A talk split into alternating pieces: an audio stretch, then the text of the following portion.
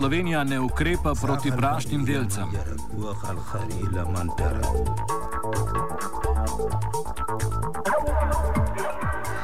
Leta 2010 se je Slovenija soočila s prvo tožbo Evropske komisije pred sodiščem Evropske unije zaradi večletne prekomerne onesnaženosti s trdimi delci PM10.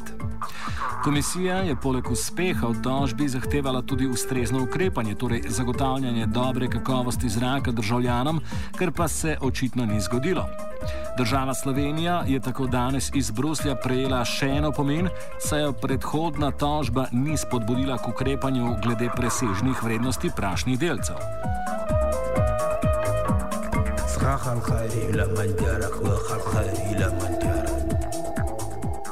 Kaj točno so famozni delci PM10? O tem so, smo spregovorili s Tanjo Bolte z Agencije Republike Slovenije za okolje. Spremljamo različne onesnaževala, ampak najbolj problematični v Sloveniji so v zadnjih nekaj letih predvsem delci PM10, se pravi oznaka PM10. Um, to pomeni, da so to delci pod 10 mikrometrov premjera. Poznamo pa še manjše delce z oznako PM2,5, PM1 in manjši kot so ti delci, bolj so škodljivi za zdravje ljudi. Ne? Se pravi, nižja kot je ta številka v zadaj za PM, uh, bolj vplivajo na zdravje ljudi, um, globje prodajo v pljuča, celo v krine in pač je večji vpliv na zdravje, kot govorimo o samih PM10 delcih. Evropska komisija oziroma tožba pa pomeni to, pač, da mi presegamo dovoljeno število preseganj mene dnevne koncentracije, se pravi, strani Evrope so določene um, mejne vrednosti in če so te presežene, mora država sprejeti plane in programe oziroma načrte za zmanjšanje um, koncentracije oziroma za znižanje vrednosti.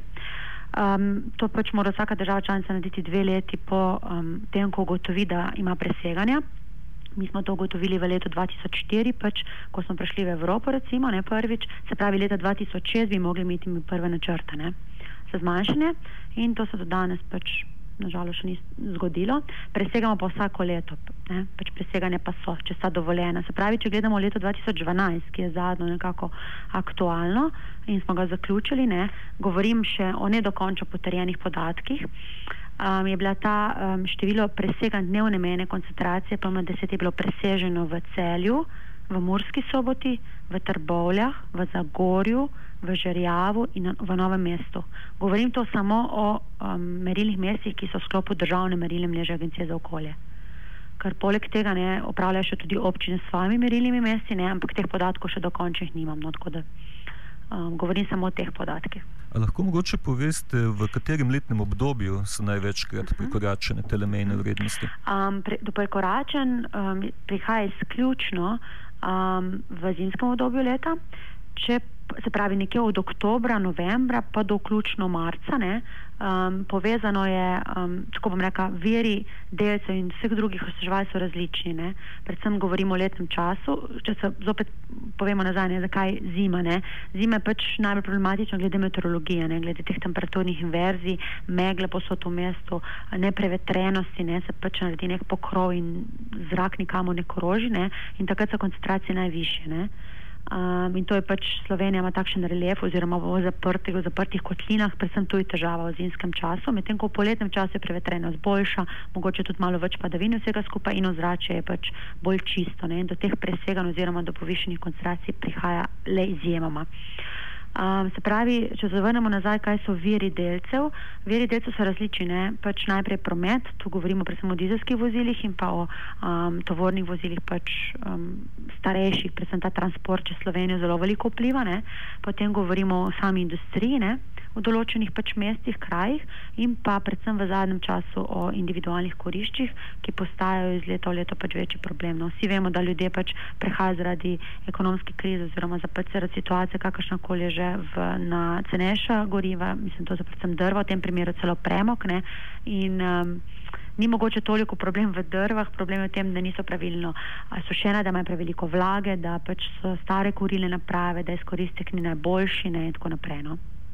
Zdaj popravite me, če se mogoče motim, ampak mislim, da je ta problem ne, s temi delci PM10 predvsem preč v Ljubljani. Ne? Um, tako bom rekla, ja, v Ljubljani je malo več merilnih mest, mislim, dve so v državne merilne mreže. Um, to bom rekla, da v letu 2012 nismo prešli čez to mejo 35 preseganj v letu, se pravi, smo pod dovoljenimi, medtem ko največ preseganj, vsekakor je na, v Ljubljani na mestni občini, mestna občina Ljubljana ima še eno postajo na Vošnjakovi. Um, tu pa je največ presegan, 107 trenutno, ne dokončno potrjenih, ampak v bistvu jih je 107 bilo v letu 2012, tako da v bistvu največ. Um, povem, pač povedati tu treba to, da je treba vedeti, kje lokacije so ne, in pač opredeliti, kaj so tam viri. Ne. Tu je izredno prometna lokacija, bom rekla, celo na drugi strani je tudi v bistvu petrolne, um, potem zaprta, zelo veliko transporta je, potem je semaforizirano križišče speljevanja v jutranjem času. Ne. Evropska komisija od Slovenije zahteva ukrepanje. Kakšni pa naj bi bili ti ukrepi? Komisija zahteva načrte ne, za zmanjševanje. Ko država načrte ima in tudi če ko načrte izvaja, ne more dosegati teh menjih vrednosti, ne, um, to nisi v prekršku, ker načrte imaš in jih izvajaš, ne, ampak zaradi kakršnih koli razlogov ne moreš pač um, reka, tega dovoljenega števila preseganja nekako zadostiti, ne, zaradi meteoroloških razmer in tako naprej. Ker um, ko smo na zadnje sodelovali z Avstrijci, ne tudi oni vem, da imajo presegane na določenih merilih. Mesec je zadnja situacija za leto 2012, ne vem čisto celoti, ker nekateri še niso čisto zaključili, ne, oziroma podatki še niso čisto dokončno javni, bom rekla. Ne. V bistvu problem je v tem, ker Slovenija nima niti načrto. No. Zato nas tudi vsako leto pozarjamo in zato smo mogli to zdaj v treh mesecih. Vsake tri mesece mislim, da je moglo ministrstvo um, povedati svoj, pač, kaj so naredili ne, na tem področju in kot sem seznanjena, niso bili zadovoljni z našimi odgovori. Ne. Moram pa reči, da so, um, mislim, da nekaj, kljub temu, da se je nekaj zgodilo, no, da so odloki so pripravljeni za pač ta območja, ki so presežena. Ne. Uh, tukaj govorimo o Zasaju, o Celju, o Novem mestu, o Morski soboti ne, in pa še nekaterih drugih.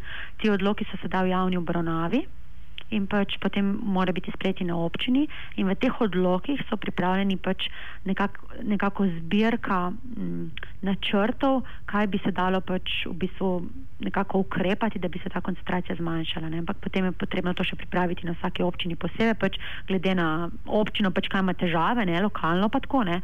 In potem v bistvu se te načrti mora sprejeti no? in začeti izvajati. Ne? In šele ko se bo začeli izvajati, bomo videli pač, kako vplivajo na koncentracijo, oziroma je kakšen pomen ali ne. No. Prašni delci torej škodujejo zdravju. Evropska komisija navaja celo povšalen podatek, da za posledicami prekoračenih emisij umre celo več ljudi kot za posledicami prometnih nesreč.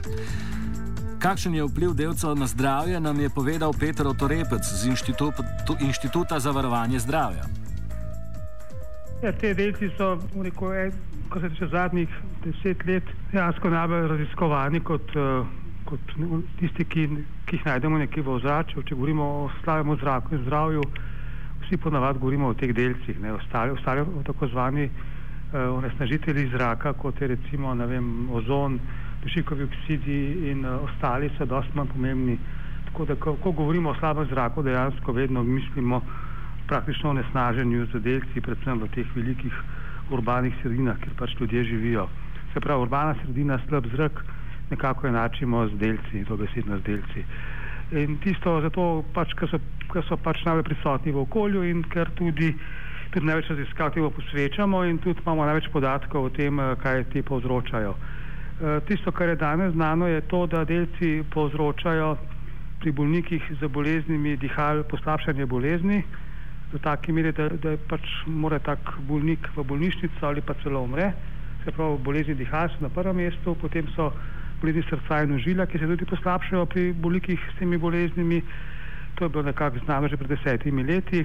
Isto, kar povemo pa danes, je pa to, da delci povzročajo spremembe na žilah, tako zvani proces ateroskleroze, ki pa je glavni vzrok za bolezni srca in ožilja. Tako da lahko nekako lahko trdimo, da zdaj imamo še dodatni dejavnik tveganja za bolezni srca in ožilja preko teroskleroze in to so delci.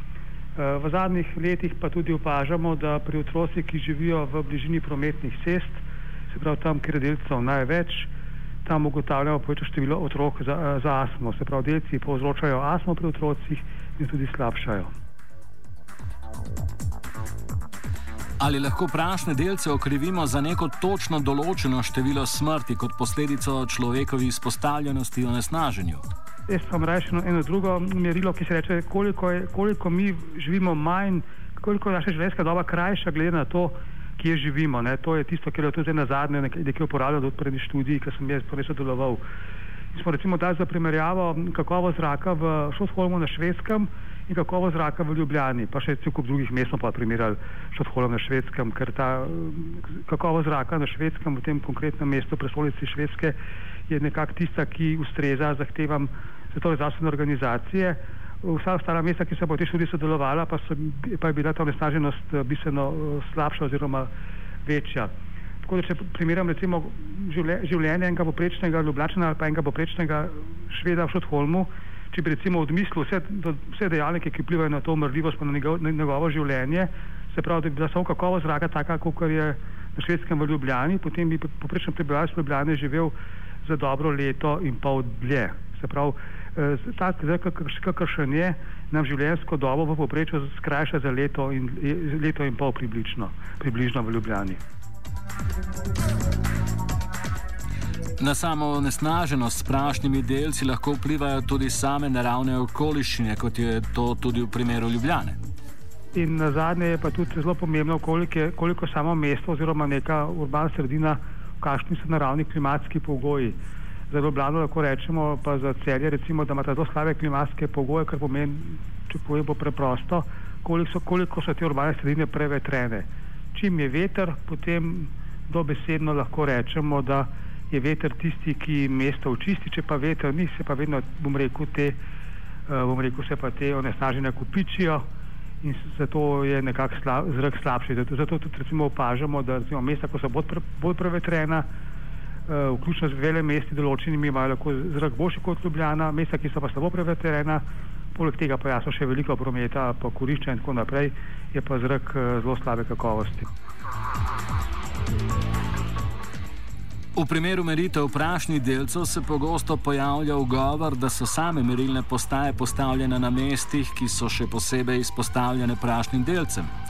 Milan Krek, direktor Koperskega zavoda za varovanje zdravja, je prepričan, da bi morala na tem področju večjo pobudo pokazati tudi civilna javnost. Drugače pa bi bilo počasno pričakovati, da bi se tudi kakšna civilna gibanja razvila na tem področju in imela tudi civilna gibanja svoje meritve in tako dalje. Ne? Tudi to je, da ne bi bilo vedno ta, tukaj zadnji nekega strahu, češ, da se neki golfa s temi aparaturami in tako naprej.